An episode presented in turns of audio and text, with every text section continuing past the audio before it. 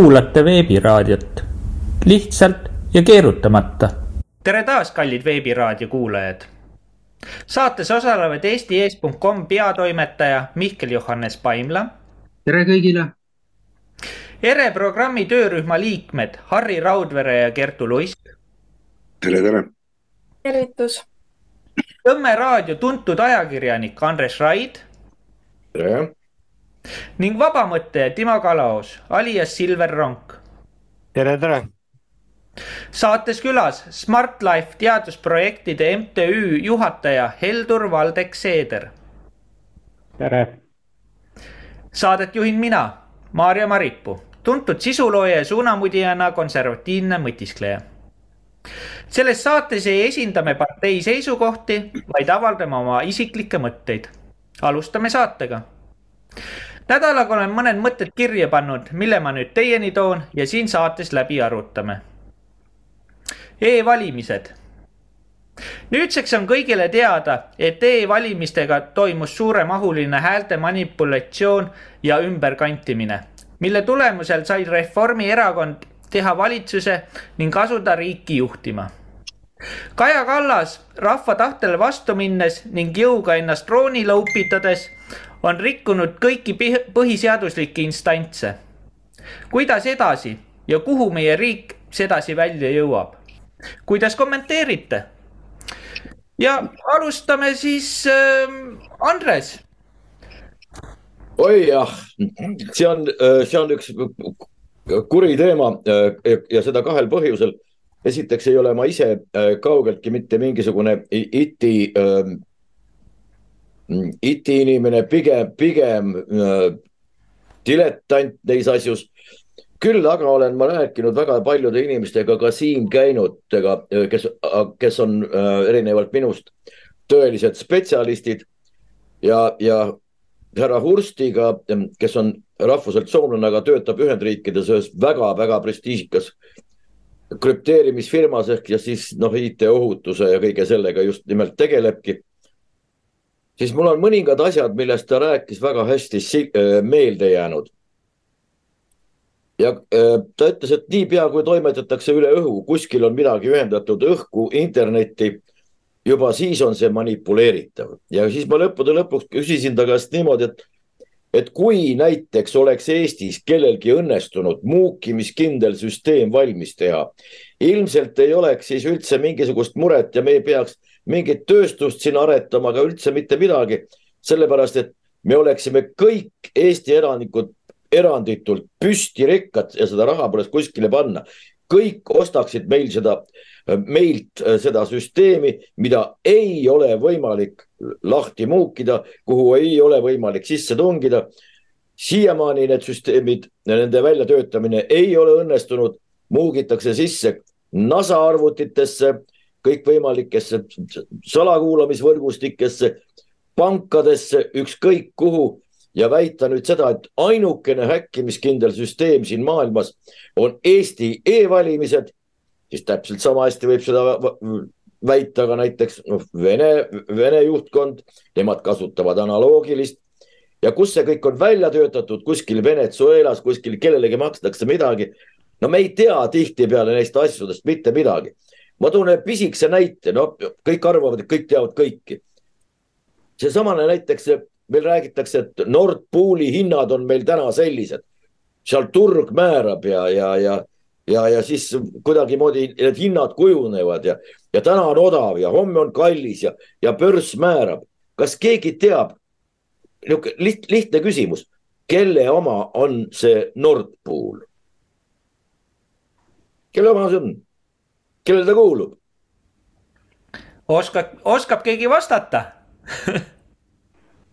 mina oskan. no väga hea. see on keegi tagasihoidlik kompanii Euronext, mis on töötanud juba aastasadu, mille käive on seitse-kaheksa triljonit. see tähendab Inglismaa ja Hollandi eelarvet kokku panduna. ja nende oma on see Nord Pool ja palju muud ka veel. aga meie me,, meie usume seda juttu, mida meil räägitakse, et vot turul kujuneb ja ise, ise näed, kujuneb ja kuidagimoodi ja, ja nii edasi ja nii edasi.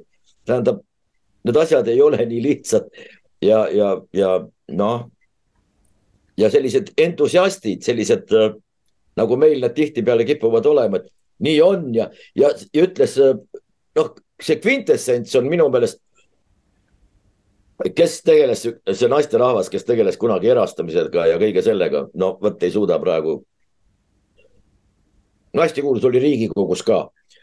ta ütles, et see, see on kindel süsteem, kuna ta on auditeeritud. kõik, punkt. kes, mida, kui on auditeeritud, järelikult on kõik kindel. Nonii. kas ei olnud Hänni või? Liia Hänni, täpselt nii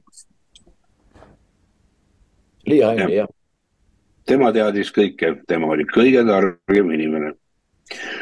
nii no,, nii organisatoorselt kui juriidiliselt. kade küll, aga, aga näe, noh, endale ei ole seda antud. naer saalis. aga Harri, äkki jätkad oma mõtetega, on sul mõtteid tekkinud vaata, kui inimene elab, siis inimene ikka mõtleb, loomulikult on elaval inimesel mõtteid vaata kogu seda valimissüsteemi, kui sa selle teema nüüd täna üles püstitasid ja aktuaalsena meie ette tõid, siis tuleb vaadata seda nagu kahest aspektist lähtuvalt ja kindlasti ei tohiks neid panna ühte patta. üks on äh, juriidiline pool ehk õiguslik. Äh, kas sellist hääletusviisi või vormi Eesti Vabariigi põhiseadus üldse teha lubab või, või, või ei luba? Ja teine on tehniline, kuidas seda läbi viiakse. Need on kaks täiesti erinevat asja ja ütleme niimoodi, et tavaliselt äh, õiguslik on see raamistik, mille alusel hakatakse seda teostama.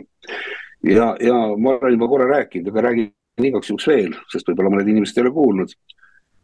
kui ma käisin meie riigi põhiseaduskomisjonis esindamas ühte petitsiooni, mida äh, toredad inimesed algatasid ja, ja sealt oligi just päevakorda seesama õiguslik aspekt, et meie Eesti Vabariigi põhiseadus ei näe ette sellist hääletamise korda. sest põhiseadus ütleb väga täpselt, millal hääletatakse, kuidas hääletatakse. Ja üks oluline nüanss selle juures on see, et see peab olema salajane. Ja, ja mida, mida see tehniliselt kindlasti see tänane e-hääletus ei, ei võimalda täiesti, täiesti masendav on kuulda ja, ja näha ja, ja lugeda kõikvõimalikke tõlgendusi nende inimeste suust ja sulest, kes peaksid olema andnud ju tegelikult jälgima, et Eesti Vabariigi põhiseadust ei lörtsitaks. ja see institutsioon Eesti riigis on meie ülemkohus, meie kõige kõrgem kohtuinstants, kus peaks olema tõesti kokku koondunud inimesed, kes mitte ei ajaks mingisugust üldteoreetilist jama õiguse noh, nagu normtehnilisi seisukohti analüüsides, vaid nad peaksid ka lähtuma väga paljudesse küsimustesse tõemeeli ja sisuliselt. sest muidu noh, tavaliselt tavatsetaksegi öelda niimoodi, et ega Riigikohus sisuliselt asju ei lahenda. tema võtab, vaatab, kas õigust on mõistetud õigete seaduste ja õigete printsiipide alusel. minu meelest ei ole see noh, sellise kaasuse puhul absoluutselt adekvaatne. ja, ja ongi lausa masendav on vaadata, kuidas siis kõik nagu ühest suust kiidavad, et tegelikult ikkagi põhiseadust rikutud ei ole ja ikka nii võib olla ja vot kõige naljakam nüanss selle juures oli see, kui, kui ma olin seal Riigikogu põhiseaduskomisjonis, kus mulle siis öeldi, et aga vaadake, näete, kommenteeritud väljaanne ju põhimõtteliselt on ju olemas ja kommenteeritud väljaannet tuleb austada ja see on nüüd see, mis kirjeldab kõik asjad lahti ja. ja siis ma julgesin neile öelda, et kuulge, kallid inimesed, sellel ajal, kui kokku pandi põhiseaduse kommenteeritud väljaannet, ei teadnud keegi veel e-hääletamisest mitte, mitte absoluutselt mitte midagi. sest see idee tuli kõik mõte noh, nagu hiljem ja, ja põhiseaduse kommenteeritud väljaanne ei saagi või need kommentaarid ei saagi seda teemat üldse käsitleda, sest et noh, see on, see on, sest kõik sündmused toimuvad ajateljel ja, ja see on nagu absurdne ja siis öeldi mulle ilusasti, et aga kui me ei tee või ei korralda meie Riigikogu valimisi ja ei kasuta e-hääletust, siis inimesed ei tulegi praktiliselt valima ja, ja noh, kõik need, see hääletus kukukski üldse läbi, et, et ainukene õige, õige lahendus äh, Eesti riigis valimisi läbi viia ongi läbi e-hääletuste. aga noh, see selleks, nii et äh, mina leian küll, olles ise ka natukene õigusteadust elu jooksul õppinud, et äh, põhiseadus on oma olemuselt selline raamdokument, mida ei saagi tõlgendada sa võid teda kommenteerida, aga sa ei saa teda suvaliselt tõlgendama hakata, nii nagu meid tõlgendatakse. ja kui nähakse ette väga konkreetselt valimiste kord Eestis või viis õigemini, siis seda tuleb järgida. Kuigi muidu mulle öeldi ka veel seda, et aga meil on ju olemas valimisseadus, mis siis määrab ära, määrab ära, et, et võib ju ikkagi niimoodi valida küll. Ma ütlen jah, et valimisseadus ja põhiseadus, need on kaks asja, kuigi ka mõlemas seaduses võivad olla lahti kirjeldatud või kirjeldatud valimisprotsess, siis äh, valimisseadus iseenesest võib ainult tehnilist laadi reguleerida seda küsimust, tuues välja, mitu jaoskonda on, mis, mismoodi see hääletus välja käib, mismoodi või välja näeb, mismoodi äh, toimub häälte lugemine, kuidas toimub äh, valimistulemustest teavitamine. ta reguleerib tehnilist küsimust aga kui me muudame nagu olemuselt just nimelt sedasama valimise põhilist olemust, seda sisu, siis seda ei saa absoluutselt mitte ükski teine äh, seadus asendada, muuta, korraldada. nii et vot selles suhtes oleme me küll ääretult valesti käitunud ja tähendab, noh, ma ei saa aru, kas oleme meie valesti käitunud. ma ei tea, kuidas seda olukorda lahendada või muuta aga, aga põhimõtteliselt on minu meelest tegemist väga tõsise põhiseaduslike riivega, põhiseadusliku riivega siin meie riigis. ja, nõustun täiesti. Timo, on sul mõtteid? ja, on ikka, et äh, Harri mainis äh, seda dokumenti nimega põhiseadus. ma loen siis selle paragrahvi ette ka, paragrahv kuuskümmend, võib-olla kõik kuulajad või vaatajad ei tea, millest jutt käib.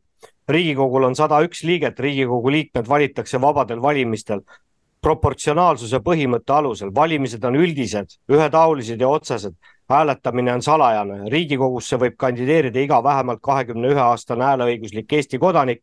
riigikogu korralised valimised toimuvad märtsikuu esimesel pühapäeval neljandal aastal, mis järgneb riigikogu eelmiste valimiste aastale, aastale. et noh, ma ei tea, mida siin tõlgendada on, aga siis äh, Äh, minule teadaolevalt asi susiseb jätkuvalt, kui avalikus meedias võib-olla ütleme, noh, me ei kuule, et äh, kuidagi tundub, et need hääled on loetud, valimised on lõppenud, meie ütleme niimoodi, minu arvates isiklik arvamus äh,, illegitiimne valitsus tegutseb äh,, möllab nagu poleks homset, siis asi susiseb jätkuvalt, siin on mingeid kaebusid esitatud, kõigest rääkida täna ei saa, eks võib-olla pärast saatekülaline noh, räägib siis nii palju, kui tema teab.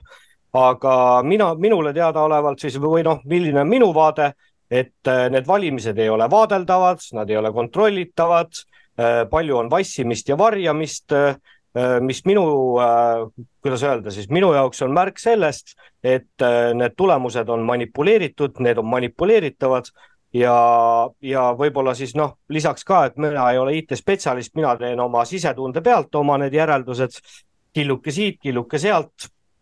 ja nii ta läheb ja mis puudutab Kaja Kallast, väga hästi oled selles skriptis kirjutanud, et äh, Kaja Kallas äh, võttis kätte, tegi valitsuse, asus riiki juhtima, just nimelt Kaja Kallas, et äh, seal kõrval on veel kaks erakonda, on siis sotsiaaldemokraadid ja, ja mis see teine oli?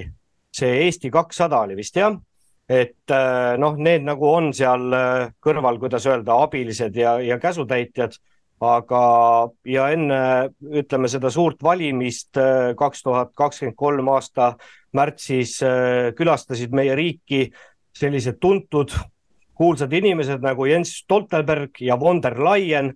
Tegid siin Kallasega ringkäike mööda Eestit, käidi ja, ja pildistati ja filmiti ja peeti suuri kõnesid. Minu isiklik arvamus on see, niisugune tuntud äh, vandenõuteoreetik, need käigud siin ei olnud juhuslikud, siin anti ikka käsk kätte, et seekord sellist lollust küll ei saa lasta teha, nagu eelmine aasta lasite teha, et äh, EKRE valitsusse saab. minu poolt sissejuhatuseks kõik. ja selles suhtes, et äh, ainuke positiivne asi, mida ma olen näinud, mida e-valimised on teinud äh, selles meie Eesti valimiskultuuris, on aktiviseerinud rahvast rohkem paberhääletusel käima, et võidelda e-valimiste vastu, et äh, sel korral see oli meeletu, noh, ma käisin äh, Soome, Soomes Eesti saatkonnas nii-öelda valimas ja inimeste nii-öelda järjekord lookles. Ja neli aastat tagasi oli täpselt samamoodi ja kõik käivad pabersedelhääletusel. sellepärast, et võidelda selle vastu, et äh, see pabersedelite häälte kogus tuleks, läheks kõrgemaks ehk siis ei saaks nii-öelda siis, et see võltsimine tuleb välja, et ei saa ju rahvaarvust, ei saa häälte arv suuremaks minna, on ju. Et kui see pabersedelite hääletamise protsent on lihtsalt nii kõrge, aga sel korral lihtsalt toodi hääli juurde, ma ei, ma ei saagi aru, nagu inimesi toodi juurde, et rahvaarvust jäi nagu puudu. et noh, see oli nagu noh, minul aju, aju plahvatas, noh, selles suhtes see oli, no see on ju puhas võltsimine ju noh. või, või Timo?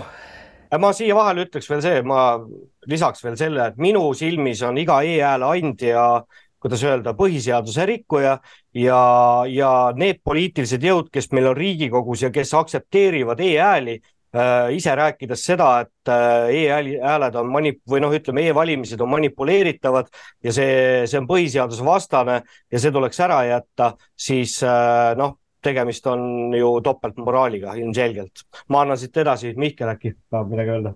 jah, aitäh, Timo.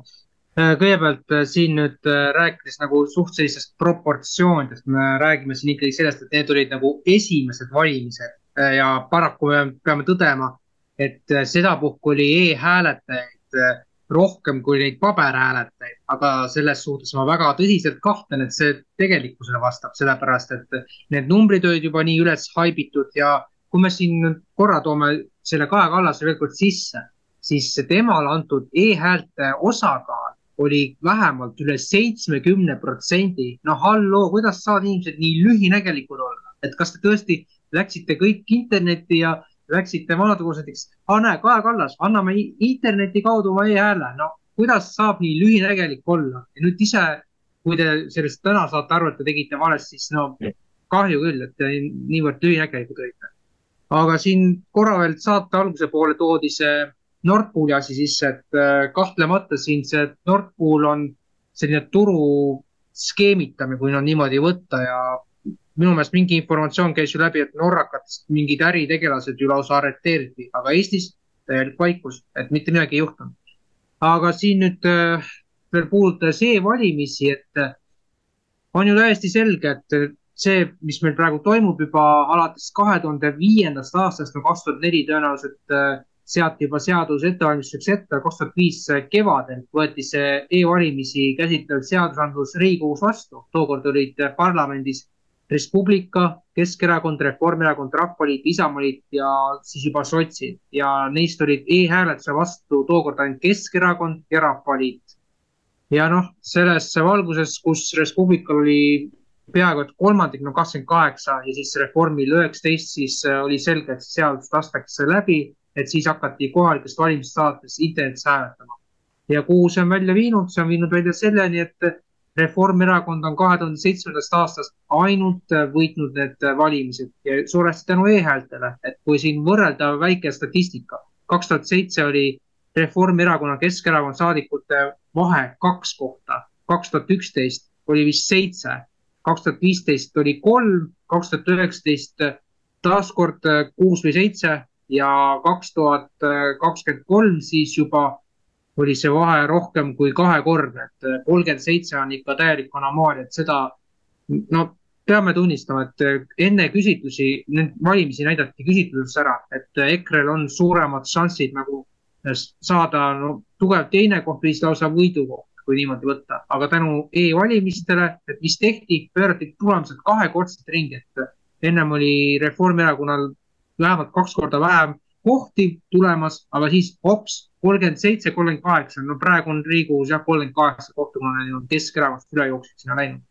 aga siin veel korra vaadates seda kõike, mis on poole aastaga ja natuke enamaga tehtud, siis see oligi nagu taotluslik ilmselt, et neid valimisi võltsida, et saada omale kuulekas klikivõim nii-öelda ametisse, et kes täidab sulaselgelt ÜRO, WHO ja kõiki neid käske, et praegu on aktuaalne teema see pandeemialeping, millest muidugi nemad ei taha üldse rääkida ja siis palju muudki asju, aga üheselt on selge, et selle valitsusega, mis on, ma ütleksin, valevalitsus, tehakse veel palju väga rohmakaid asju läbi, et nüüd siin täna võeti riigieelarve vastu, aga vahetult enne seda Karis jättis maamaksuseaduse muudatuse välja kuulutamata ja nüüd sellepärast peab Riigikogu erakorraliselt veel selle aastanumbri sees kogunema. nii et äh, juba see näitab, et äh, midagi on meie riigianduses täiesti käest ära ja ma ütleksin veel lõpetuseks, et, äh, et see põhiseadusega vastuolu, et meil e-valimised on, et see ongi nagu asjaolu, et meil on nagu nädalapäevade ulatuses on internetis võimalik hääletada kakskümmend neli seitse ja ja ühe momendi ma toon veel sisse, et siin juba, kas see oli kaks tuhat üksteist või kaks tuhat viisteist, tõenäoliselt kaks tuhat üksteist jah. et siis juba hakkasid kahtlused tekkima, et hooldekodudes keset ööd käiakse internetis hääletamas. küllap keegi teine oskab sellest natuke rohkem rääkida, aga sellist asja on nagu mitmetes meediaväljaandetes nagu räägitud, aga suuresti on see nii-öelda tabuteemaks lükatud ja see võib seletada, miks Urmas Paet saab keset ööd sadu ja mitu tuhat e-häält, et et selles osas e-valimised on totaalselt nagu vastuolus põhiseadusega ja kahetsusväärne, et äh, põhiseaduskomisjon, mida juhib äh, seltsimees äh, Johannes Terras, ei suvatse nagu igasuguste petitsioonide ja eelnõudega vaeva näha ja siis lihtsalt ütlevad, et ah, see ei puutu minusse, et ma lihtsalt panen kõrvad lukku või midagi sellist. et ma annaks siit kohalt nüüd üle Kertule, kes pole veel sõna saanud. ja aitäh mina eestlastel soovitan kogu seda e-valimiste palagani, no ilmselgelt see asi ei ole ju aus ega läbipaistev. noh, nii paist-, läbipaistev, et midagi ei näe, ei lasta näha, et mis see tegelikkus siis on. Seda tuleb võtta komplimendina. teistes riikides seda ju niimoodi vaja ei lähe, okei okay,, Venezuela ja Venemaa, seal olid need analoogsüsteemid, aga mujal nad saavad hakkama teistmoodi, ehk siis inimesed on nii piisavalt ära kompostitud, et küll nad teavad juba, kellele tuleb hääl anda, aga vaata, eestlane siin peab ettevaatlik olema, need risud mõtlevad oma peaga ja näevad uudised ka veel läbi, nad vaatavad tundide kaupa neid uudiseid ja siis saavad aru, et valetavad. järgmine õhtu vaatab jälle ja siis mõnuga sõimab, et no mis nad valetavad seal. Jälle, nad valetavad, ikka vaatavad. Ja siis neile tundub, et oi-oi, kõik on nii konksu otsas, aga väga paljud, kes jälgivad ka ainult peavoolu, kes meie poole ei viitsi vaadatagi, see on see mingi alternatiivasi ja, jah, nad vaatavad, kuulavad, aga ei usu ja need on ohtlikud, sellepärast et nad justkui on selles pajas, kes siis läheb selle peavooluga kaasa, aga ei lähe, noh, mingil hetkel nad ikkagi on hakanud aru saama. ma ise olen olnud ka ju kõva Reporteri vaataja, kunagi oligi tore vaadata. Äh, aga noh, seal on lihtsalt mingid võtted, mida kasutatakse, et inimese tähelepanu ja see sihuke noh, anda mingit mõnutunnet kogu aeg sellest, kasvõi see korrutamine, mis seal saadete vältel on ja mina arvan, et eestlaste jaoks tähendab see seda, et meil on lootust, et meie seas on niivõrd, äh, nii piisav hulk neid, kes suudavad mõelda ja teha õigeid otsuseid, muidu nii alatuid võtteid ju ei kasutataks. ja see, et e paberhääletamine on siis kuidagi maru-maru oh ohutu või? Ei ole, seal samamoodi üks aasta oli näide, kuidas sama käekirjaga sama number oli vorbitud, ma ei mäleta, ma ei mäleta seda numbrit, palju oli, aga toodi välja, et noh, reaalselt täpselt sama käekiri, täpselt samad numbrid, need sedelid olid niimoodi nagu välja ka veel laotatud. ilmselgelt tegemist on pettusega äh,. aga siis sa ei saa petta tuhandeid või sadu tuhandeid hääli, siis sa saad ainult seal nii palju, kui see jaoskond võimaldab seal, nii palju, kui seal on nii-öelda neid kaasatöötajaid. et äh, ma ütlen seda e-valimiste asja, mina mõtlen, et äh, pigem ma näen ohuna seda, kui noh, mina ideaalis näen, et see e-valimiste teema kaoks ära, sest kuni see meil on, mul ei ole mingit tunnetki, et me elaks demokraatlikus riigis, rääkimata kõigist nendest otsustest ja asjadest, mis ümberringi toimub. see on lihtsalt idiokraatia, demokraatia sildi all. aga ohtlikuks läheb ilmselt sellest hetkest, kui nad ütlevad, et nii ja nüüd me võtame e-valimised ära. ehk siis see tähendab, et nii piisav hulk eestlasi on täiesti tained ja neil ei oleks seda enam vaja. et see on ka niisugune natuke ohuga moment, aga sellegipoolest, et ma jah, ma, ma ootan, et need olukorrad muutuks, aga iseenesest nad ei muutu et neil seal ees, eesotsas olijatel on ju mõnus ja meil ei tohi lasta neil olla nii mõnusalt seal. mul on üks väike idee ka, mida ma saate lõpupoole teile tutvustan, võib-olla tekitab teis ka mingi tunde, et võiks ära teha. igatahes jah äh,, ei tohi alla anda ja ainult sõimamisest ja kirumisest ei piisa. annan sõna edasi Andresele. Kaks väikest asja ainult ma tooks. eelmiste valimiste aeg, mitte nüüd viimased Riigikogu valimised, vaid eelmised, siis juba viis aastat tagasi. kaks tuhat üheksateist siis. jah, ja, ja siis sai Tallinna Tehnikaülikooli mitte üliõpilastega, vaid õppejõududega, matemaatiku tõenäosusteooria niisugune ja neil kuidagi haakis ja võeti ette ja siis tehti neid valemeid ja nähti, nähti tõsiselt vaeva ja mitmekesi ja, ja võttis ikka mitu päeva. tulemus oli selline. tõenäosus, et see on kõik õige, on üks kuuele miljonile. üks kuue miljoni vastu. noh, tähendab sisuliselt ei ole võimalik ja, ja teine lugu, kui siin räägiti noh, sellest mehhanismist, kuidas see asi käib, et noh, põhiseaduses on kirjas, seal on ühtemoodi kirjas. mul sõbra vend on hooldekodus. ja ma küsisin tema käest ükskord, et no kuidas teil valimine käib? ta istus, kimus suitsu, ohkas, lõi käega täpselt niimoodi. äh, meil juhataja teab kõik, kogu valimised, kõikide need kaardid ja asjad ja, ja kõik äh,. Meil juhataja teab. oligi kõik. nojah, täpselt, täpselt sama on ju noh, nagu Mihkelgi tõi näite nende vanadekodus on ju alati olnud valimistel see teema, et on kaebusi, kus korjatakse vanuritel needsamused ID-kaardid kokku ja küll juhataja juba teab, kellele, kellele see hääl sinna kirjutada ja siis jälle antakse need ID-kaardid tagasi ja, ja that's it. aga meil on saatesse kutsutud siis auväärt külaline eh, Heldur. oskad eh, nüüd selle pika pika siis alguse peale midagi öelda, mõtteid kogunud? aitäh sõna andmise eest, et äh, mina olen kaksteist aastat äh, politseis töötanud äh,, kuus aastat politseiametis pearaamatupidajana ja kuus aastat kriminaalpolitseis kusjuures minu koostatud olid äh, lähteülesanded äh, kriminaalpolitsei liideste tegemiseks äh, väliste andmekogudega, sealhulgas Interpoliga, äh, isikut tõendavate dokumentide andmekoguga, vanglasüsteemiga ja nii edasi. olen juhtinud trahviarvestuse sisseviimist ja nii edasi, et tegelikult ma arvan, et ma tean, kuidas andmed liiguvad, millised andmed liiguvad riigisüsteemis. Äh, mm, millised on nõuded, et süsteem oleks usaldusväärne. Äh, ja siis, kui ma enam ei töötanud politseis kaks tuhat üheksateistkümnenda aasta Riigikogu valimistel, mind lihtsalt professionaalsest huvist huvitas et äh, ühiskonnas käib ikka sihuke noh, pingpong, ühed ütlevad, et e-hääletus on usaldusväärne, teised ütlevad e, e-hääletus, äh, see ei kõlba kuhugi.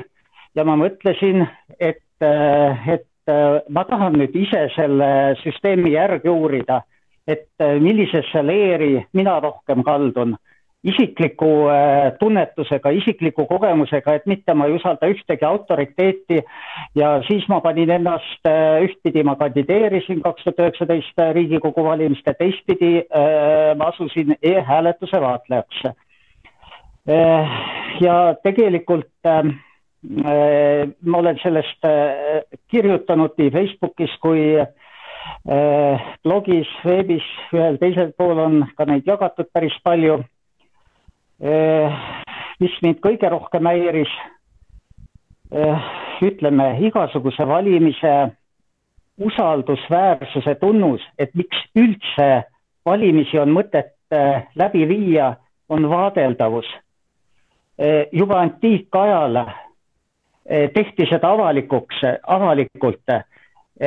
ei kutsutud mitte ükshaaval ei käinud seal kellelegi ülemusele ütlemas, et kelle poolt on inimesed val-, niinimetatud valimiskabiinis antiikajal, vaid rahvas kogunes äh, linnaväljakule ja kõigi nähes nad hääletasid seal, jah, tõepoolest, antiikajal ei olnud veel äh, info, äh, paljusid vahendeid ja sageli sai parema tulemuse siis see, kellel olid kõvemad hääled. aga, aga seal oli olemas vaadeldavus ja, ja seesama vaadeldavuse nõue, see on jäänud kuni tänapäevani peamiseks. ja mida, eh, mis oli minu peamine etteheide e, e-hääletuse süsteem ei ole vaadeldav. Eh, sellest ei ole võimalik jälgida, et seda ei manipuleerita. seega tegelikult mina ei oska öelda, kas Kaja Kallast äh, Kaja Kallasele on hääli juurde pandud ja kui palju on hääli juurde pandud, ma olen tahtnud seda kaudsete tõenditega äh, nii-öelda tõele järg, järe, järgi jõuda, ma olen mitmel korral pöördunud nii riigi valimisteenistuse kui Vabariigi Valimiskomisjoni poole ja palunud e-hääletuse serveri logisid analüüsimiseks nende territooriumil, nende, et noh, et oleks äh, andmekaitsenõuded oleks äh, tagatud.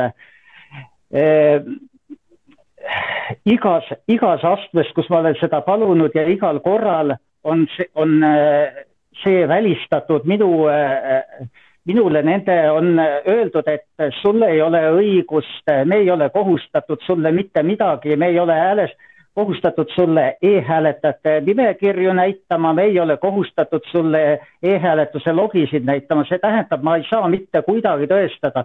me saadame hääled musta kasti, eh, millel on direktori allkiri ja öeldakse, et vaadake seda direktori allkirja, see on ju eh, õige allkiri. ja, ja selle, seetõttu ma nagu kipun eh, kriitikutele eeri kalduma aitäh. ma selle tõe koha pealt ütleks, et meil siin aastaks kaks tuhat kaks tuhat kolmkümmend üritatakse saavutada äh, sooneutraalsust, kliimaneutraalsust, rohkem mul praegu hetkel meelde ei tule, aga kui ma vaatan, kuidas nagu, kuidas nagu küsijate ja, ja meiesuguste rääkijatega käitutakse, siis on äh, plaanis ilmselt ka saavutada kahe tuhande kolmekümnendaks aastaks tõeneutraalsus Äh, selle mõiste ma mõtlesin täna välja, ma kohe tsiteerin teile, mis selle mõiste taga siis on. tõeneutraalsus on ühiskonna poliitiline käsitlus, mille kohaselt faktid on ebasoovitavad ning inimeste kohtlemine, ühiskondlik saatus ja võimalused ei tohiks sõltuda tõest, faktidest ja tõe määratlusest. Äh, tõeneutraalsuse kui eesmärgiga põhjendatakse tõe vältimise vajadust. minu poolt praegu siia kõik. väga ilus kaunis, kaunis see kõlas nii hästi, et oh, seda me tahamegi ju, see kõlas lihtsalt nii võrratult. kas see võiks ollagi mingi valimiskampaania osa ja kõik on ja muidugi, see oligi puudu. see on söödav noh, ilmselgelt e-valimistega äh, täiesti, see võikski nagu põhiseaduse punkti lisada, siis oleks ka äh, e-valimised täiesti äh, seaduslikud jah, mina ei saa ühest asjast aru. tehke mulle rumalale inimesele selgeks, no ma ei ütle, et ma olen, ma tõesti olen rumal inimene. aga kujutage nüüd ette, ma kirjeldan teile ühte situatsiooni ja, ja te kommenteerige mulle seda. no ma olen siis tubli kodanik ja hääletan siis e-häälega, oma häälega, hääletan kõik ilusasti ära ja vaata siis viisteist minutit enne jaoskonna sulgemist tuleb mul äkki selline tuhi peale, et et oi pagan, et sai nagu valele inimesele hääle antud ja torman jaoskonda ja ütlen, et ma nüüd tahan hääletada äh, paberiga ja lähen siis, täidan oma paberi ära ja, ja lähen siis hääletan sellega ja. aga enne ma olen just kuulnud, et e-hääled on loetud ja kõik on lukku löödud. Öelge mulle nüüd, et kuidas, kuidas siis see statistiline parandus äh, tehakse just äh, viisteist minutit enne valimisjaoskonna sulgemist. et minu hääl, et minu õige valik jõuaks siis sinna, kuhu ta jõudma peaks. õige valik jõuabki sinna, kuhu vaja. see, mis sinule tundub õige, ei pruugi teiste jaoks õige olla. kolmandatel on oma õige ja, ja, ja meil on paraku niimoodi, et kellel õigus on, õigus on sellel, kellel on rohkem õigusi. Nii lihtne. aga ei pea, Harri, sa ei pea üldse muretsema, et kas see läks õigesse kohta kui meil Türil oli see konservatiivide konverents, siis üks noormees astus pärast ligi, ütles, et ta oleks tahtnud ka tegelikult lavale tulla ja rääkida, et niisugune juhtum oli, et jalutas ja tema ees jalutas mingi tüüp ja see oli Riigikogu valimiste aegu ja siis ta kuulis, kuidas see mees rääkis telefonis, et ära üldse muretse, et noh, et neid hääli saab täpselt niimoodi nagu vaja on, et küll pärast kõik korda aetakse. no oligi see point, et keegi muretses, kas ta saab ikka need hääled täis ja telefonitsi öeldi, mis tähendab seda, et noh kui siin oli see nii-öelda vale valitsus, pidi ikka Kaja olema, Kaja nagu oli pettunud, teised tegid omavahel mingi valitsuse ära, tema jäi kõrvale, hakkas nutma, korraldas ära niimoodi, et ka aparatuur sekkus. ehk siis, kui inimesed teavad, et nende kõnesid võidakse pealt kuulata, mis tähendab seda, et siis sa noh, ei räägi telefonis mingeid asju, võib-olla nii edasi, aga kui telefonis võib juba öelda, ära muretse, me teeme sulle selle massinaga nii palju hääli kui vaja, siis järelikult on need kõik asjad ikka omavahel nagu nii väga ära seotud, et ma isegi ei kujuta ette, mis pauk peaks käima, et me hakkaksimegi normaalselt tões ja õigluses elama. Sest tänasel päeval tundub, et kõik need asjad, ma vaatan kasvõi oma linna näitel, et mõtled, et ei räägita mingist onupojapoliitikast ega korruptsioonist, ju siis pole selle ei räägitud, kõik on seotud, kuidas sa räägid, kui sa ise ka mingit pidi oled mingeid asju ajanud, et selles mõttes on olukord päris, päris, päris jabur.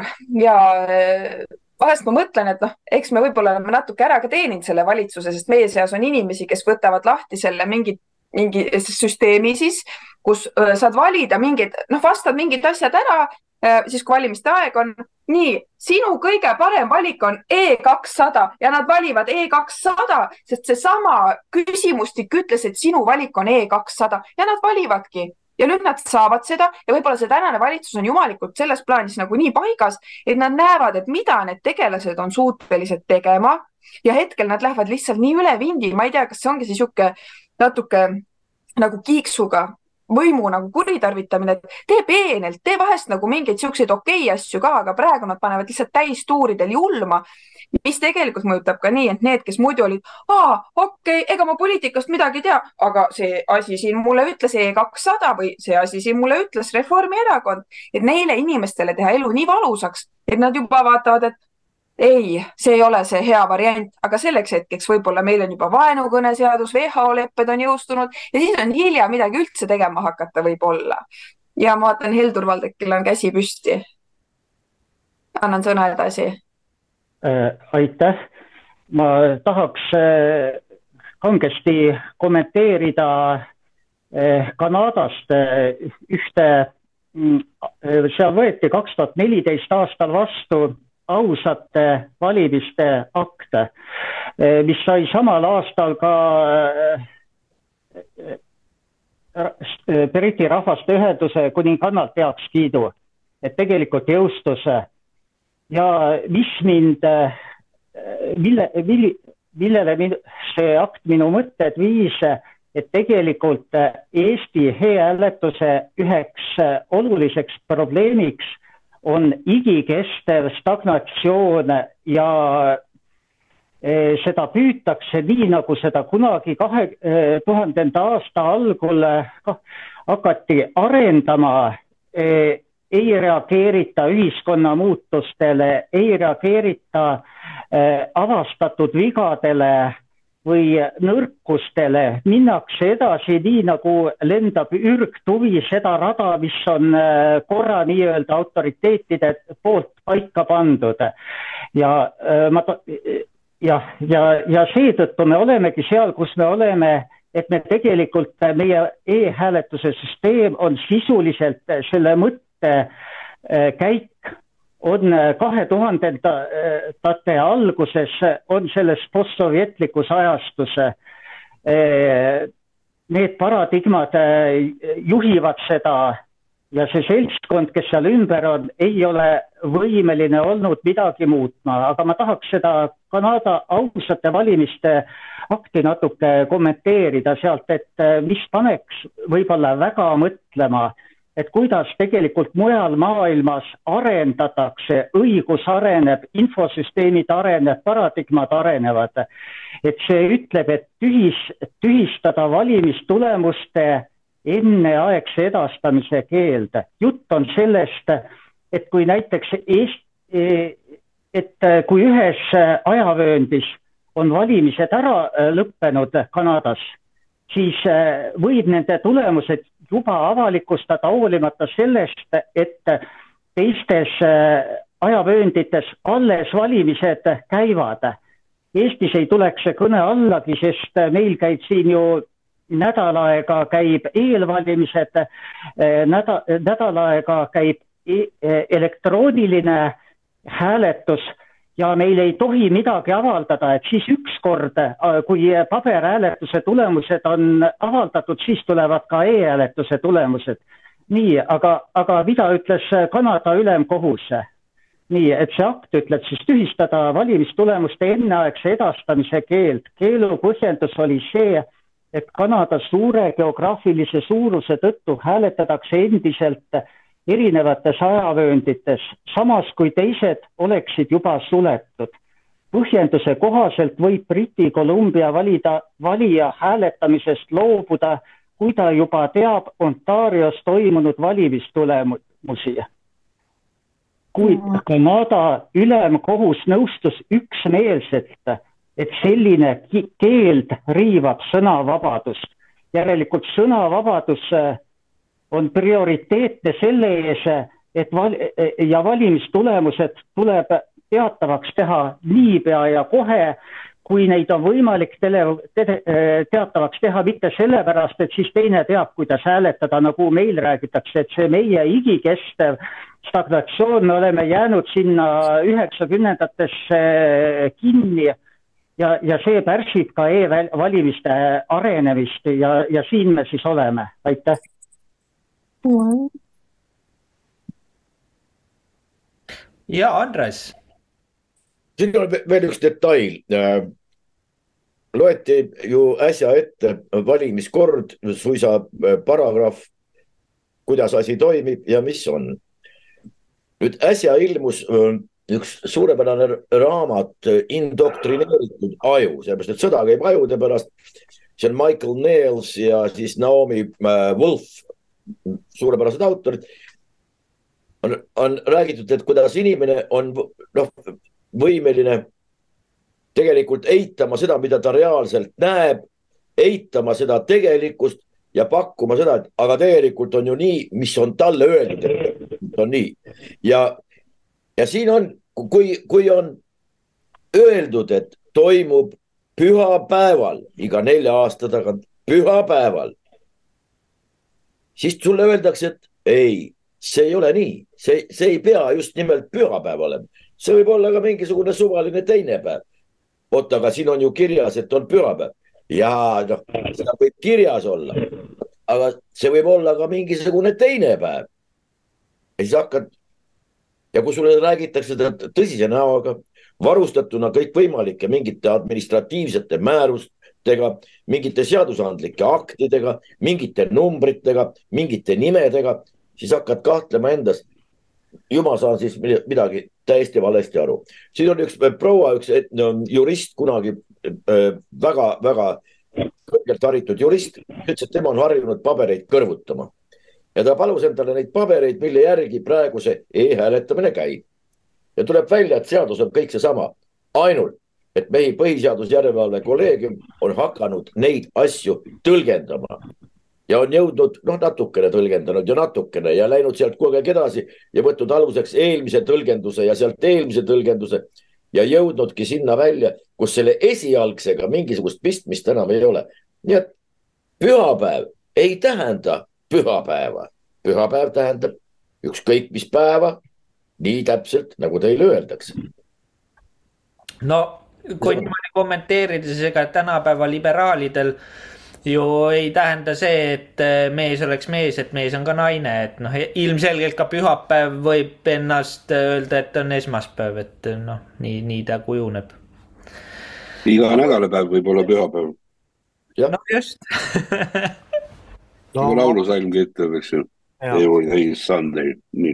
Yeah et siin äh, eelmine nädal oli suur skandaal, ma tooksin mängu sellise, sellise organisatsiooni nagu Euroopa Julgeoleku ja Koostööorganisatsioon, OSCE.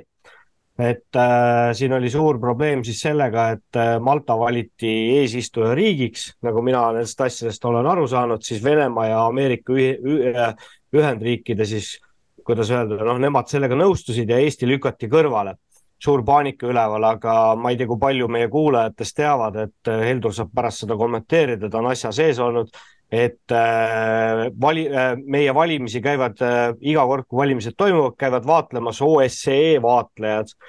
Ja on olemas Eestis üks selline lehekülg nimega Üks Tartu krants, seda minule teadaolevalt veab eest Märt Põder. Ja ta on siin viimane ülevaade, mille ta teinud on, ma loen siit ette, mida on seesama OSCE äh, Eesti e-valimiste kohta siis äh, nagu arvanud või öelnud.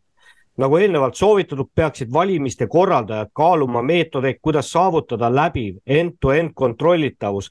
praeguste kontrollitavuse mehhanismide parandamiseks peaksid valimiste korraldajad kõrvaldama puudused individuaalses kontrollitavuses ja tagama, et kõik e-hääletamise tulemuste kindlaksmääramise kriitilise tähtsusega etapid oleksid auditeeritavad et äh, see on nagu siis sellesama OSCE märkus.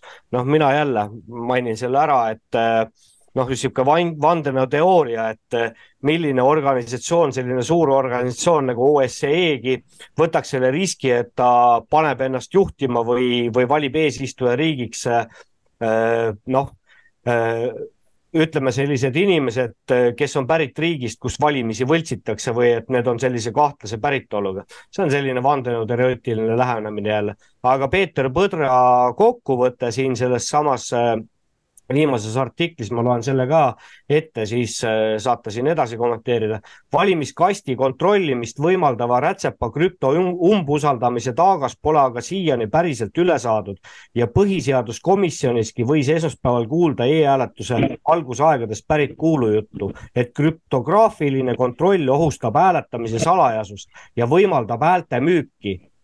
milline süüdistus, eks kahjuks on aga nii, et hääletamise salajasust riivab OSCE valimisekspertide kahe tuhande üheksateistkümnenda aasta raporti järgi hoopis meie praegune protokoll, kuid kontrollitavust pole see hoolimata salajasuse ohverdamisest siiski, siiski suutnud tagada.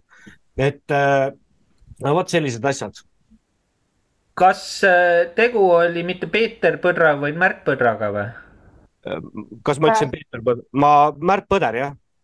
jah, just see on tema leht, et äh, siin on väga head ülevaated nendest e-valimistest ja, ja tema Twitteri või noh, nüüd ta on vist X, et äh, seal kontol tasub käia ja, ja siis saab nende asjadega kursis olla. Andres tahab äkki midagi öelda või Heldur? no ma lisaks siia, kui te sellest usaldusväärsusest ja krüptost äh, rääkisite, siis äh, oma muljed sealt äh,, nüüd ma olen küll ka kaks tuhat kakskümmend kolm, ma käisin vaatlejana, tegutsesin, aga kaks tuhat üheksateist, et olime siis, kogunesime vaatlejad sinna äh, saali ja seal olid küll alates Jaapanist ja USA-st äh, ja igalt poolt oli neid vaatlejaid. ja no midagi näha ei ole, siis mõtlesime, et äh, noh, et äh, mis, mis me nüüd küsime ja siis oli vist üks jaapanlane, kes ütles, et, et olge palun hea ja tehke nüüd see server lahti, selle karp lahti, et vaatame, mis seal sees on.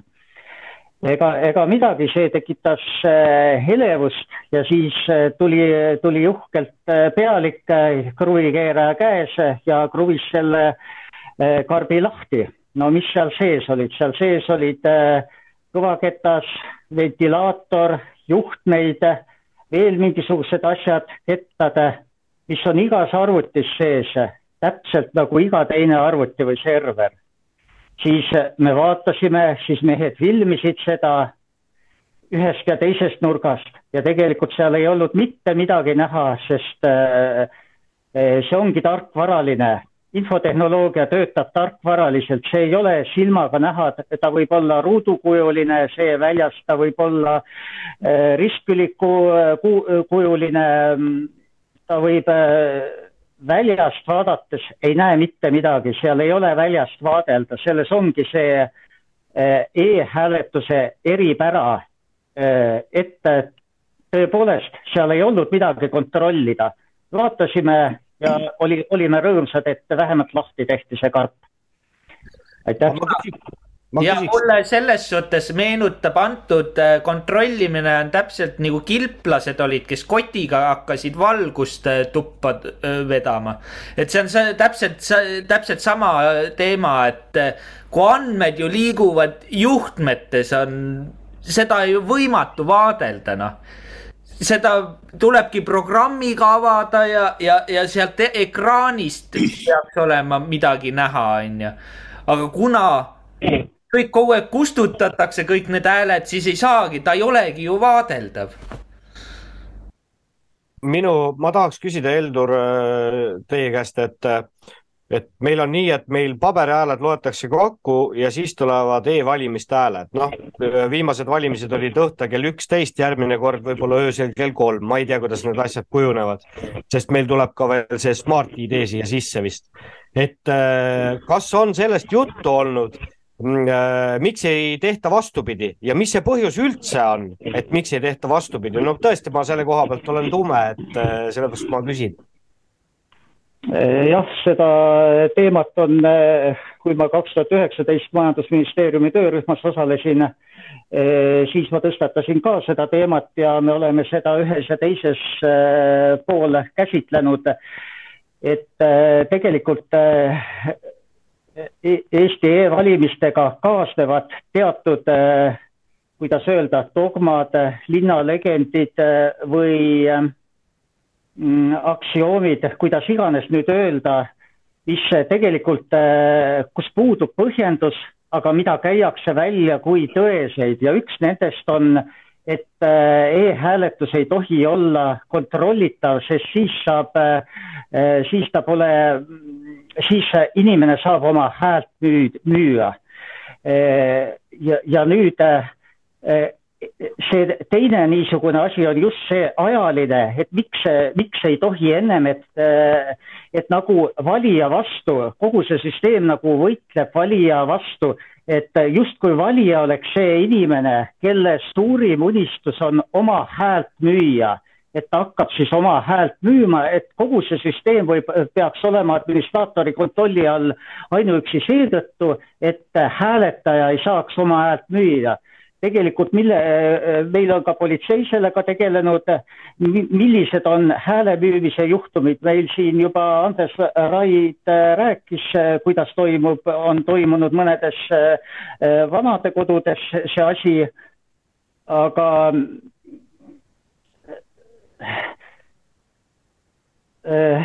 aga politseil on olnud kaasusi, kus on häält müüdud ja kõige klassikalisem juhtum on, kus hääle müümine on toimunud viinapudeli eest, okei okay,, viinapudel maksab viis eurot seal midagi. Äh, see ei ole nagu vist enamiku Eesti rahva unistus, et isegi kui äh, kolm inimest kusagil valimisjaoskonnas Eh, saavad viinapudeli oma hääle eest, see ei põhjenda, et ole põhjendus, et muuta ebausaldusväärseks. Et tegelikult äh, tule, tulles nüüd tagasi, mis ma ennem ette lugesin Kanada ülemkohtu äh, otsuse juurde, siis tegelikult selle analoogia põhjal võiks ka Eestis olla, et pidevalt avaldatakse hääletustulemusi. kui hakkab, kui on meil e-hääletus esmaspäeval võiks juba esmaspäevased tulemused avaldada. Eh, seda ei pea salastama, siin ei ole ühtegi põhjendust, et miks neid salastada, see salastamine töötab ainult, eh, kuidas öelda, just nende vandenõuteooriate kasvamise huvides, sest paratamatult eh, tekib, kui salastatakse, siis paratamatult tekib küsimus, et miks nad ei avalda e-hääletamise tulemusi enne paberhääletamist, kas nad tahavad vaadata paberhääletamise tulemused ära ja siis veel kusagil hääli manipuleerida seal midagi. aga kui nad avaldataks jooksvalt e-hääletamise tulemused, siis võetakse see, nagu öelda, see vandenõuteooria alus ära et tegelikult see valimiskomisjon ja see valimissüsteem on äh, ise ta töötab vald-, vandenõuteooriate kasvu heaks tegelikult, et inimestel ei oleks usaldust et siin ei ole põhjendust, et need tuleks jooksvalt avaldada, kõik need asjad, mis toimuvad, see info peaks olema, see on osa sõnavabadusest äh,, parafraseerides äh, Kanada ülemkohust. aitäh. Andres. selle äh, häälte ostmisega on tegelikult äh, natukene keerulisem, sellepärast et on olemas, hääli ostetakse igal juhul. on illegaalne häälte ostmine, mis ma saan aru, mis toimub kuskil seal jaoskonna taga pudeli eest või siis või, või, või kolmeka või viieka või ma ei tea, palju eest. aga pärast iga valimistsükli lõppu öeldakse, see erakond pani nii palju huugama, see pani nii palju huugama, sai nii palju hääli. igal häälel on seega hinnalipik küljes. mida nad teevad seal? Nad müüvad mingisugust nägu tule võta kuulus sportlane, kas ta teab midagi mingisugustest majandusasjadest või mingist, ei ole, on tuntud, me müüme seda nägu või mingi näitleja või mingi laulja või, või mingisugune tuntud tegelane, ükskõik kus koha peal. see on tegelikult täpselt samasugune müük. rohkem mitte midagi. ühel puhul on müük taunitav, illegaalne, teistel puhkudel täiesti legaalne täiesti tervitatav. vot kuhu kohta te sinna, sinna õhkõrna mingisuguse joone tõmbate. minul on see näiteks segaseks jäänud. Niikuinii kõik ostavad neid hääli. ja see, kusjuures äh, enne valimisi käisin, surfasin minist-, ministrite noh, ametlikel riigilehtedel, eks, et äh, ja seal olid ju mitte ainult see, et äh, tutvustused, et kes on kes, et Kaja Kallas, vot näed, peaminister on ju ja nii edasi. seal oli, seal olid ka äh, isiklikud sotsiaalmeediakontod ja kodulehed ja see tegelikult noh, vot see on äh, minu elu ainukene, ütleme selline kaebus, mille ma esitasin, ma ei mäleta, mis komisjonile ja sealt tuli vastuseks, et see on normaalne, et noh, ma rõhusin nagu sellele, et see tegelikult on ebavõrdne kohtlemine sellepärast et kui tema saab seal noh, riigi ametlikul lehel teha endale isiklikku niisugust reklaami, valimisreklaami, siis noh, ma ei pea seda õigeks, aga noh, see selleks. ja siis ma nagu püstitaks ühe küsimuse, ma teid kuulan ja ma mõtlen, kes kurat mõtles selle kõik välja, nimi, ees- ja perekonnanimi, vot seda ma tahaks teada, läheks juurte juurde, kes on see mees või naine? kas keegi teab seda? kas sa pead silmas seda, kes selle Eestis selle mõtte, mõtte? kellelgi pidi tulema jah, seesama, täpselt sama nagu see, et kes äh, nüüd vaata see, see on ju tegelikult uus asi, see, et äh, sa võid oma häält muuta ja et keegi kuskil, kas need on protokollitud sellised, äh, sellised asjad, kelle ideed need on, et teab keegi no,? mina, mina arvan seda, et süvariik tegeleb oma koosolekute ja asjadega nii-öelda mitte valitsustasemel, vaid nemad otsustavad kuskil uste taga ära, mis valitsus peab vastu võtma, ehk siis, eks ma arvan, et toona oligi see nii-öelda probleem, et oh-oo, Keskerakond, Savisaar tõuseb ja tõuseb, siis nuputati. no mida teha, no mida teha siis kuradi Siim Kallas helistas Sorosele, hallo, hallo, mis teha, kuidas kuradi hääli, hääli saaks nagu. meil hakkab lappesse minema Eestis, aita aita, aita oo, kuule, meil siin Venezuelas ja Venemaal kuradi mingi e-hääletus loodi välja, proovige seda. okei okay,, teeme ära. ja oligi kõik. Ja, ja seda oli ju näha ju ilusti ju. Tegelikult Reformierakond võitles Keskerakonna vastu.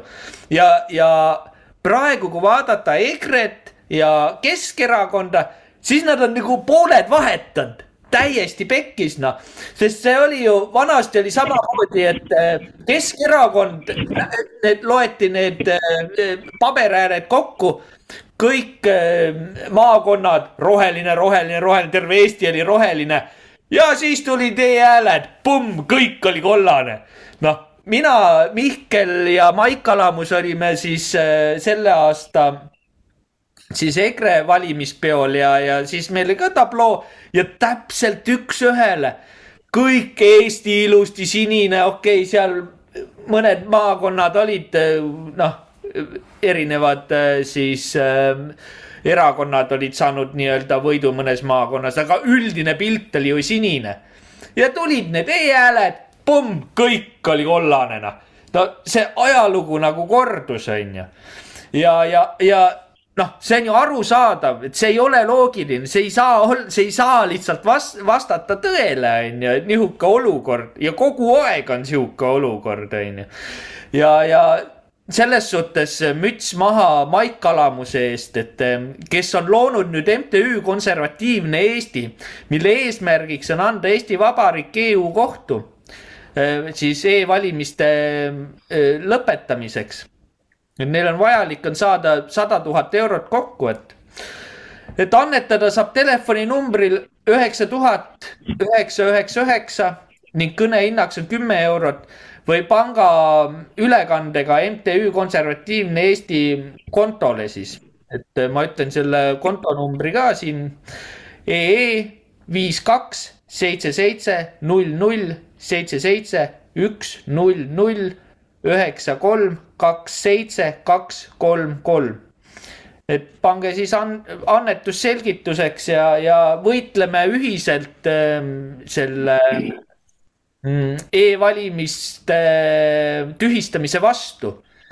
et äh, nüüd ongi, Eesti peab lihtsalt koonduma, lihtsalt peab koonduma ja andku, kas, palun, eestlased, andke igaüks, meid on väga suur osa kasvõi üks euro sinna. ja see üks euro, see, kui sa sada tuhat eestlast annab üks euro, siis ongi ju raha koos, me saame seljatada e-valimised. on ju tegelikult on ju raha taha, raha, raha taga kinni, et ilma rahata ei ole võimalik võitlust pidada. et kõik on tasuline paraku Äh, ja äh, on päris naiivne loota, et need, kellel on need soojad tagumikualused selles mega-mega ametkondade struktuurides sees, et need sentigi annaks.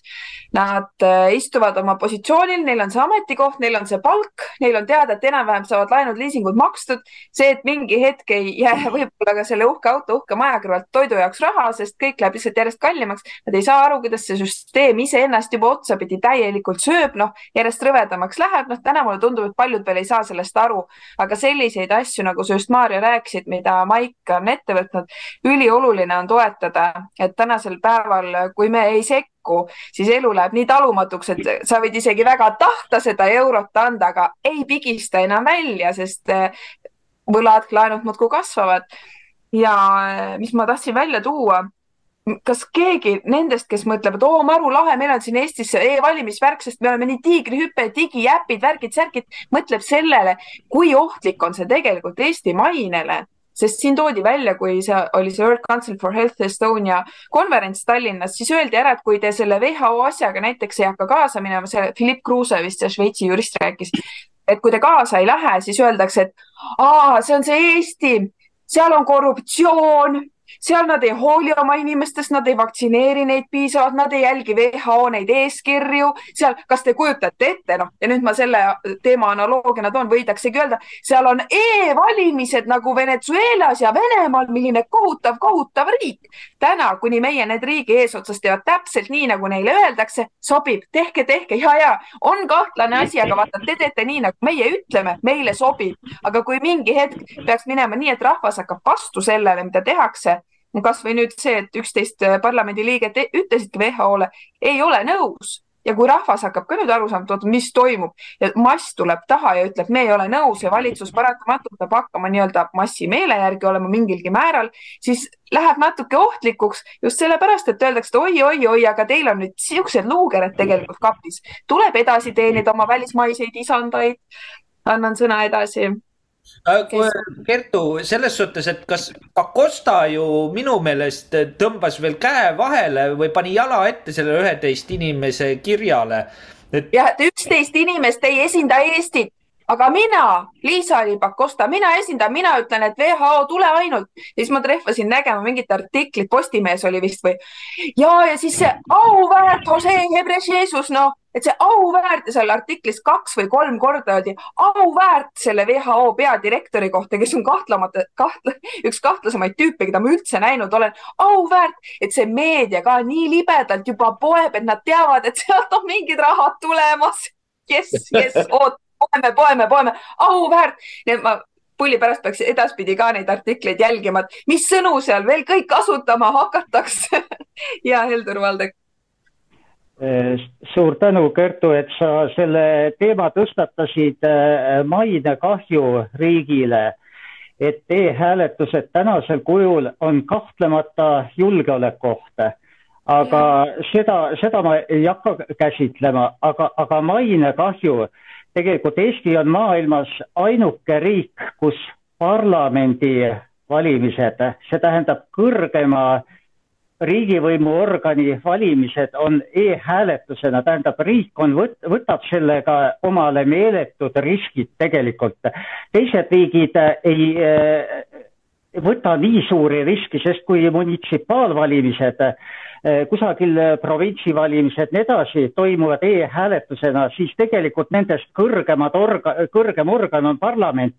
et kui midagi seal juhtub kusagil piirkonnas, provintsis eh,, KOV-is eh,, siis parlament saab sekkuda, aga kui parlament ise kaotab jalgealuse eh,, seda võltsitakse siis pole enam kedagi sekkumas, sellepärast see on kõrgeim risk, mida riik saab omale võtta nüüd kujutame ette, et Eesti äh, propageerib e-hääletust ja, ja nüüd äh, ma, ma isegi imestan, et näiteks Põhja-Korea või äh, Valgevene diktaatorid ei ole Eestist eeskuju võtnud.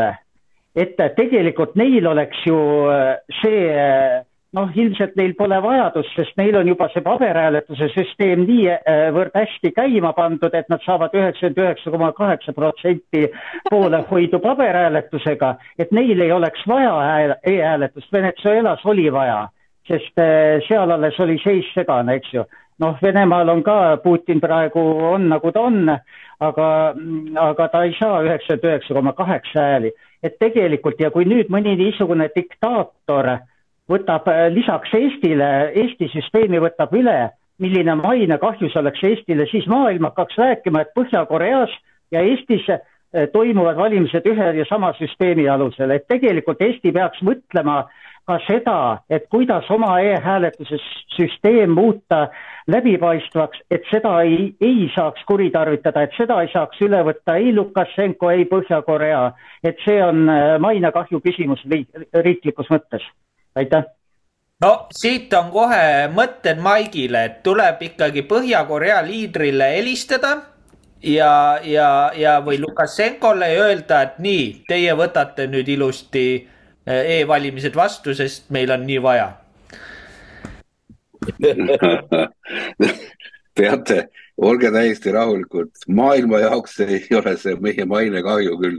Täiesti, täiesti täiesti olematu asi ja, ja mitte mingil juhul me sellega endale mingisugust mainekahju ei tee.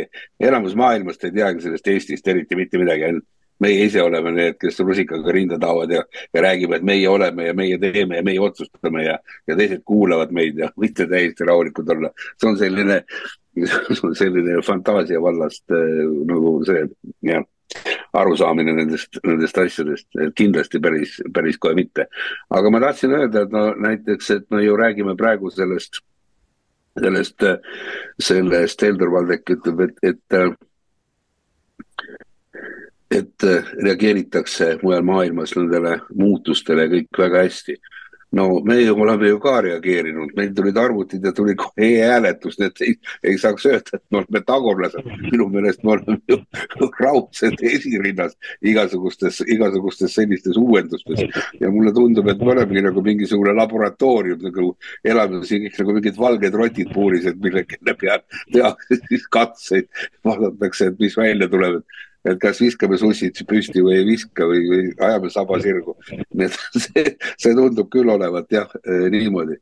aga, aga kui me nüüd räägime ikkagi tõesti valimistest ja valimiste võltsimisest, siis mul on niisugune hästi huvitav kogemus mõned aastad tagasi, siis kui ma olin veel Keskerakonnas, olin Nõmme piirkonnas ja siis oli meil selline esinumber nagu Werner Lootsman ja, ja ja siis oli, oli Nõmme gümnaasium, seal gümnaasiumis, see oli Nõmme põhikoolis oli see valimisjaoskond ja ma käisin seal hääletamas ja, ja teadsin, et, et Werner sõidab mulle niikuinii külje pealt sisse, ütleb, et, et nii vähe hääli ja tema arvas, et tema peaks saama kolmsada häält vähemalt Nõmmel, et tal on nii suur, nii suur toetajaskond. Ja siis, kui hakati pärast hääli kokku lugema, siis tuli välja, et sellest Nõmme selle põhikooli jaoskonnast ei saanud ta mitte ühtegi häält, kuigi ma tean, et päris mitmed inimesed koos minuga andsid seal jaoskonnas Werner Lotsmanile hääle. nii et, et isegi sellist mustkunstnikku trikki suudetakse teha igasuguses jaoskonnas ja, ja, ja pärast ma sain, sain jah ikka väga palju nagu pragada, et, et kuidas mina, et noh, umbes nii, et Brutus ka sina võtsid kätte ja lõid, lõid mulle noas südames. Umbes samamoodi. nii et eh, nende hääletamistega või nende valimistega on üldse alati väga kahtlased lood ja, ja, ja noh, valimised ei saa olla, ei tohi olla. Juba nende samade, samade võltsimiste võimaluste pärast mitmepäevalised et, et eh, sul võetakse kätte, pannakse see valimisurn kuskile, kuskile seisma ja, ja mitte ükski, ükski vägi ei saa öelda, kes sinna ligi pääseb ja sinna ligi ei pääse, mis sellega pärast tehakse. ja muide, üks hästi vahva tähelepanek on nii, et vaadake, pärast, kui loetakse valimistel neid hääli, ka paberhääli, siis loeti ära ju, eh, palju rikutud hääled aga mitte kunagi ei loetud ära, et näiteks kui sellesse valimisjaoskonda tuli, ütleme näiteks eh, kümme tuhat eh, seda sedelit, siis loeti ära, palju siis pandi kastidesse, palju oli rikutud, aga mitte kunagi ei loetud ära, palju siis üle jäi. See tähendab seda, et need sedelid, mida, mis jäid, mis jäid üle, noh, nende saatus jäi täiesti määratlemata ja, ja tuvastamata. ja täiesti võimalik, et see pakk, mis siis nagu üle jäi, üks tubli, tubli tädi võttis kätte ja, ja kirjutas sinna ilusasti suure, suure hulga numbreid peale, võttis kellegi numbrid lihtsalt ära, vahetas ära ja pani, pani siis uue paki asemele ja, ja, ja teate, mitte ükski koer ei haukunud selle, selle taga, nii et need, need ah, ja siis oligi, ma tean, et, et üks vaatleja hakkas nõudma, et ta tahab lugeda ka üle neid valimisbülletäänil neid tühje, tühje neid sedeleid, et, et mis siis jäid nagu üle. ja, ja e, ta ei saanud, talle kutsuti politsei, öeldi, et ta segab e, valimisjaoskonnas tööd ja segab, segab korda. nii et e, vot sellised pisikesed nüansid kui sa seda kõike, kõike tead ja kuuled siit ja sealt, siis paratamatult tekitab see sellist üleüldist umbusku üldse selliste, selliste valimiste nagu puhul. no nõukogudeaegseid valimisi pole meil mõtet isegi rääkida, sellepärast et meie partei palavalt armastatud tugiseltsimehed said alati üheksakümmend üheksa koma kaheksa protsenti või noh, häda oli siis, kui sai üheksakümmend kaheksa protsenti, siis oli, siis oli jama lahti, siis seda rahvas ikka ei toetanud. aga noh, nagu, nagu nagu me näeme, et ega ei oskagi siin rohkem mitte midagi öelda, et ja ma ei tea, ma, ma tõesti ei tea, milline on see, see reaalne jõud, mis suudaks seda muuta. Te ütlesite sada tuhat, ma ei saa aru, mille jaoks on seda sadat tuhandet vaja? sada tuhat on väga suur summa, mis me, mis sellega rahaga tehakse? sada tuhat on siis nii-öelda võitluseks, seal on, ma arvan, et seal on advokaadikulud, mis sinna kõik lähevad, menetluskulud ähm, vähemalt no, menetu... summa no. mulle viskas Maik Kalamus ette, et äh, ma tead-, teadvustaksin inimesi, et sihukest summat on vaja, et suudaks Euroopa kohtus midagi ära teha ei, Euroopa kohtus tähendab asi väga lihtne, Euroopa kohtusse tuleb äh, ju esitada väga põhjalik ja konkreetne motiveeritud äh, hagi, aga ma arvan, et, et kas, kas seda mitte ei ole juba tehtud. kas Euroopa kohtusse ei ole juba jõudnud näiteks EKRE poolt mingisugused, äh, mingisugused, ma ei tea, hagid või, või, või kirjutused või ei ole mitte keegi Euro, ei ole Euroopa kohtu poole pöördunud. sellepärast, et ma arvan, et kui me nüüd räägime Euroopa valimissüsteemist ja täpselt nendest samadest kriteeriumitest, läbipaistvusest, selgusest, siis on ju sulaselgelt noh, nagu faktiliselt tõendatav, et neid, neid põhimõtteid on rikutud. ja, ja noh, ma arvan, et üks korralik, korralik advokaadibüroo oskab sellise, sellise noh, nagu hagi kokku kirjutada või, või nojah, materjalid sinna kokku panna ja esitada. ja, ja kindlasti suudab ta ka selle noh, nagu adekvaatselt ära motiveerida need, need küsimused, mis ta sinna saadab. muidugi noh, probleem on selles, et, et täiesti võimalik, et Euroopa Kohus, kui te nüüd loote endale illusioone, saadab selle rahuliku südamega tagasi, ei võta menetlusse, ütleb, et see on siseriiklik küsimus, mis tuleb siseriiklikult lahendada ja, ja meie ei sekku teise riigi siseasjadesse, nii et noh, suure tõenäosusega tegelikult see niimoodi, niimoodi lõpebki rahulikult ära. Aga te unustate ära, et olemas veel üks kohus, no selline kohus, mida, mida, mida, mida, mis on olemas, aga mida ei praktiseerita. et võib-olla tuleks kasutada siis kõiki kohtuinstantse, mis on inimmõistus kunagi välja mõelnud. Et kui ei saa nüüd esimeses, teises, kolmandas astmes ja Riigikohtus asju korda, siis võib-olla tuleks, tuleks nende traditsiooniliste kohtuorganite, ma ei öelnud seda välja selliste, selliste instantside. see on lühend, OMA, see ei ole omakohus, see on OMA ja vot, vot tuleb lihtsalt võib-olla teha avaldus sellisele kohtule ja, ja uskuge, äkki asjad hakkavad palju kiiremini liikuma, kui te, kui nagu esimeses etapis üldse arvata võiksimegi osata, nii et noh. muu maailm, muu maailm neid kasutab väga efektiivselt, selliseid meetodeid ja, ja, ja võite kindlad olla, need töötavad, need töötavad. Väli, välikohtud töötavad ka tõrgeteta, kõik, kõik viimane kord küsin, kes on poolt, need võivad käed alla lasta ja seina juurest ära astuda. jah, täpselt, oma kohus, välikohus, need on, need on sellised toredad asjad. Belkericht, vana asi. Ja meil oli ja, ja välikohus on selline tore asi, olid ju troikad, kes kelle küsimuse nagu hetkel ära lahendas kolm seltsimeest tulid kokku, arvasid, et neil on õigus. tähendab, vot on see, et neil, nad peaksid saama siis nagu mandaadi aga Riigikogu võib ju anda sellise mandaadi, miks siis ei ole eriolukorda välja nagu eriolukorra, eriolukorda arvestades? noh, ärge nüüd kõike ka päris tõena võtta, võtke, mida me siin räägime, eks, et kuskil peab ju natukene huumorit ka vahele viskama. muidu, muidu, muidu ongi nii morbiidne jutt et ei saa pärast rahulikult magada. Aga Facebookis on niisugune grupp nagu ajuloputus oli ajuloputus või igatahes kaks tüdrukut panevad nii ägedat sisu ja neil on igal pool see märge, et ärge võtke seda tõena, onju, et tõde on ikka teie enda oma, et see on nagu naljasait, onju. aga kõik postitused on nii naelapea pihta, no ei ole võimalik, ma mõtlen, miks varem sellist asja ei ole tehtud, miks ma ise selle peale pole tulnud, kuidas nad nii peenelt igasugu ühiskonna probleemidele siis tähelepanu juhivad, lihtsalt ülinaljakas, ma igaks juhuks pean vaatama selle nime järgi, et ma valesti ei ütleks. Meie meie ühiskond on minetanud sellise toreda võitlusvormi nagu satiir. sellist asja, sellist asja enam ei ole olemas.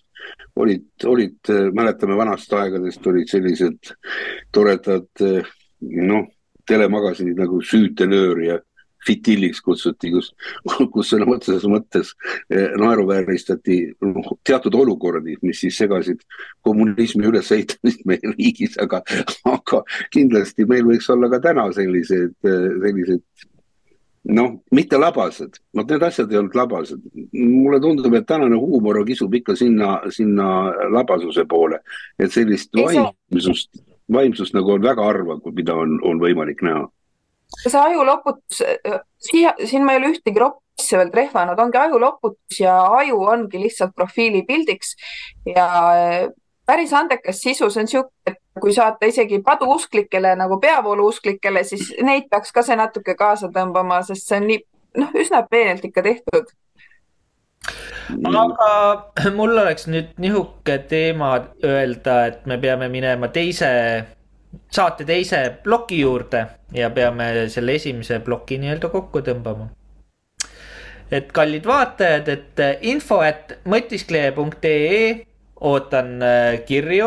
Äh, liidan teid äh, eestlaste kogukonnapõhise sotsiaalmeedia platvormiga ära samuti eestiees.com ootab siis nii-öelda sisuloojaid. kontakt at eestiees.com need sisuloojad, olete meil oodatud. ja mis siin ikka siis, võtame asja kokku, et aitäh, kallid sõbrad, et meid kuulasite. järgmine kord taas teiega, siis juba uute teemadega. saade kuulatav Kagu ja Nõmme raadios ning Youtube'i kanalis Konservatiivne motiskleja. kindlasti külastage meie Patreoni fännilehte patreon.com kaldkriips veebiraadio, veebiraadio siis kaks siis V-ga. veebiraadio tegevust saab toetada rahalise panusega konservatiivne mõtiskleja OÜ kontole. EE üheksa kaks seitse seitse null null seitse seitse üks null null kuus kaheksa kolm viis kuus viis null selgitusega annetus. kõike head ja nägemist. nägemist. nägemist. nägemist olnud nii positiivne, kui alguses tundub, et äh, kuidas te kommenteerite seda hetkeseisu, mis teie mõtted ja arvamused on? võltsige vähem, ega siin polegi midagi, et äh.... mille alusel te seda niimoodi siin väljendate? no see on ju kõigile teada. kuidas see e-häälte võltsimine käib siis? no seda ei saa ju, keegi ei saa ju seda tõestada. Aga nii, nii see on. väidate, et võltsitakse, siis keegi ei saa seda tõestada? kuidas korrake üle? et te väidate, et äh, võltsitakse hääli, aga seda ei saa kuidagi tõestada, et võltsitakse hääli, kas no selles mõttes, et mulle sõnastusest jäi selline mulje praegu? ei, seda ei saa tõestada ja selle peale mängitaksegi. kas te saate rohkem spetsiifikasse minna? ei saa. kas te teate üldse spetsiifikat? ei, ma ei viitsi rohkem vastata mulle tundub, et te lihtsalt ei tunne spetsiifikat piisavalt palju. Kuulasite veebiraadiot. külastage kindlasti ka meie uudisteportaali www.eestieest.com